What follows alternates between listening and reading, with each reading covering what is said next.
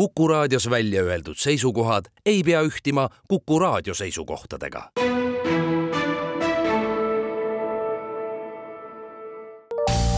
terviseks.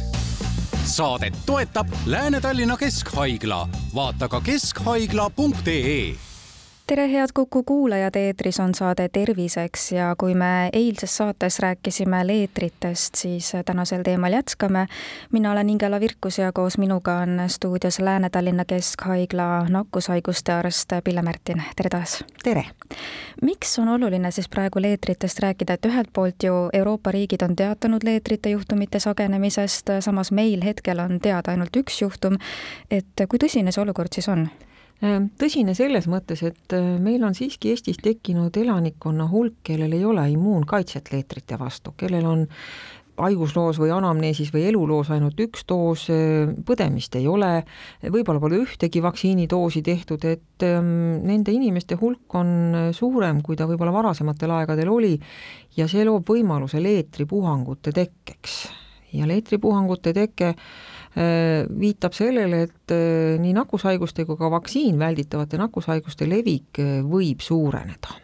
see vaktsiin tehakse siis lastele vanuses üks aasta jaa, üks aasta tehakse, et meie laste kalendris on äh, leetrite, mumpsi ja punetiste liitvaktsiin sees ja esimene doos tehaksegi üheaastasele lapsele ja teine doos siis koolis äh, kolmeteistaastastele lastele.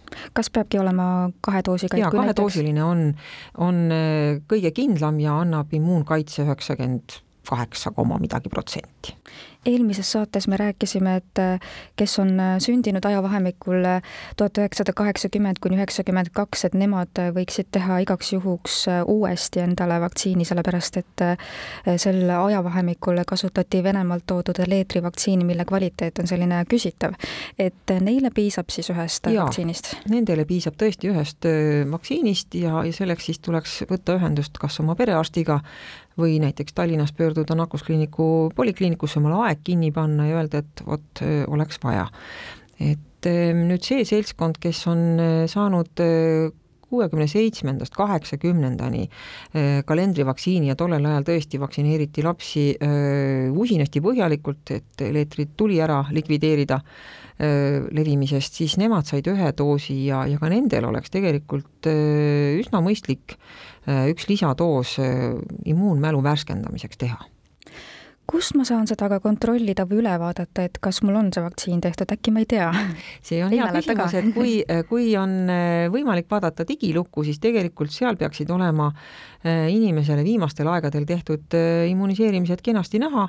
teine variant on küsida oma perearsti käest, äkki on kirjalikud andmed alles, võib-olla mõnel on alles kooliaegsed arstipaberid ja need on viidud kas perearsti juurde või oma eriarsti juurde et neid andmeid peaks vaatama, kui igasugune mälu puudub, siis tegelikult ei ole öö, midagi sellest, kui inimene teeb omale lisadoosi, ta lihtsalt värskendab oma immuunmälu, kui see on nii ammu tehtud, et üldse mingeid allikaid järel ei ole kui aga selgub siis sealt, et äh, vaktsiinid on tegemata, et nüüd võiks teha, kas siis piisab ka ühest ei, siis, läheb, siis tehakse kaks doosi jaa, et äh, siis ühest ei piisa. aga see oleks siis juba tasuline ja see on tasuline.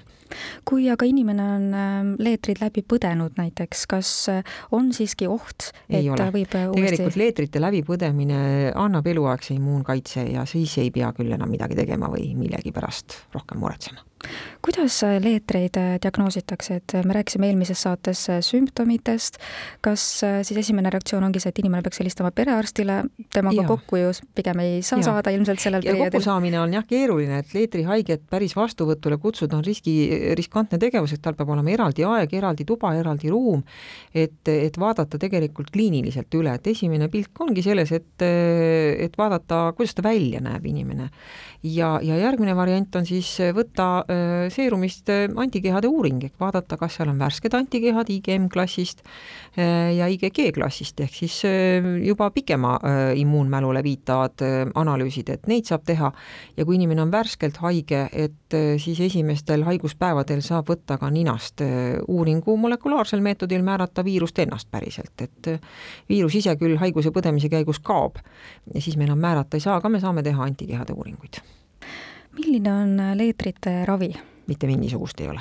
tegemist on viirushaigusega, mille vastu põhjuslikku ehk viirust hävitavat ravi olemas ei ole tänase päevani ja parim toetav ravi, ehk siis tuleb endale rahu tagada, piisavalt vedelikku tarbida, valuvaigistid on kindlasti omal kohal, et, et kogu seda ebameeldivat tunnet ära võtta ehm, ja palju muud ei olegi teha, et ehm, samamoodi ka haiglas, et kui inimene on sattunud mingil põhjusel haiglasse leetritega, et siis püütakse tema olemine maksimaalselt heaks teha, et ta ise sellest parimal moel välja tuleb. et jah, siin kohapeal kahjuks on meditsiin veel endiselt jõuetu millistel olukordadel vajab inimene haiglaravi ja kui tõenäoline see on, et ta sinna haiglasse jõuab ehm,? kellel suurem võib-olla soodumus on? on, on, on niisuguseid inimesi olnud, tõsi küll, sellest on tükk aega möödas õnneks et eh, inimene näiteks kopsupõletikuga, kes ei tule sellest välja näiteks kas siis on leetriviiruse tekitatud või on juba tekkinud teisesed tüsistused bakteriaalse kopsupõletiku näol, et eh, võib-olla ka äh, ajukoe kahjustuse sümptomaatikaga inimene, kes satub haiglasse, või ta ei ole suuteline sööma-jooma või on valu nii tugev, et kodus võetavad suukaudsed valuvaigistid ei aita.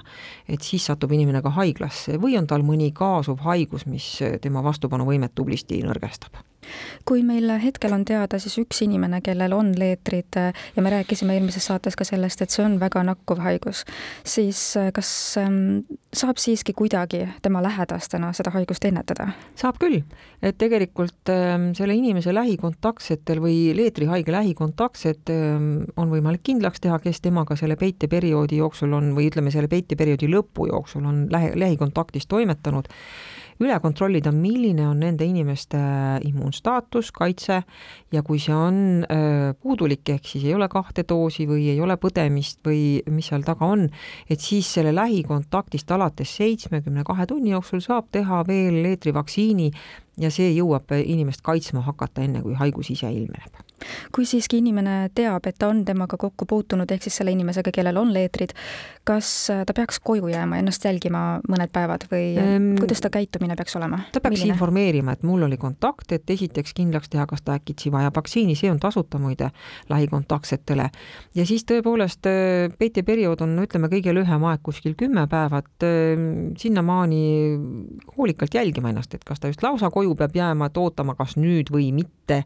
ja see peiteperiood on ju kolm nädalat ka, on ju. võib-olla ka kolm nädalat, eks ju, et ega siis peiteperioodi ajal oodata, mis nüüd juhtuma hakkab, päris nii sõgedaks ei saa minna aga jah, oma tervist selle koha pealt jälgima, et kui midagi tekib, mõni hingamisteedega seotud haigustunnus, et siis tõepoolest koju jääma ja ütlema, et kuulge, nüüd on seis selline.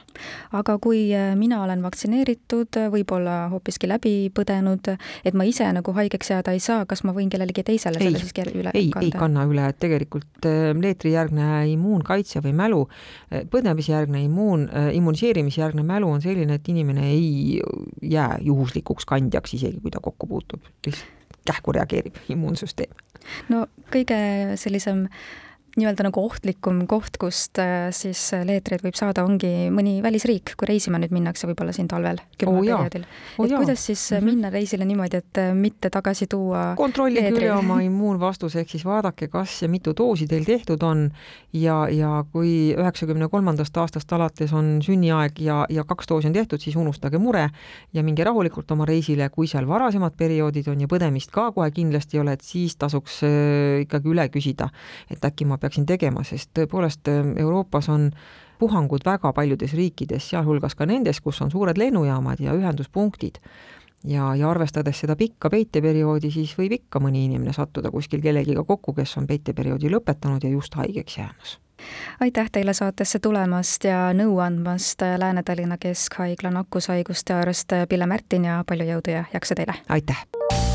terviseks saadet toetab Lääne-Tallinna Keskhaigla, vaata ka keskhaigla.ee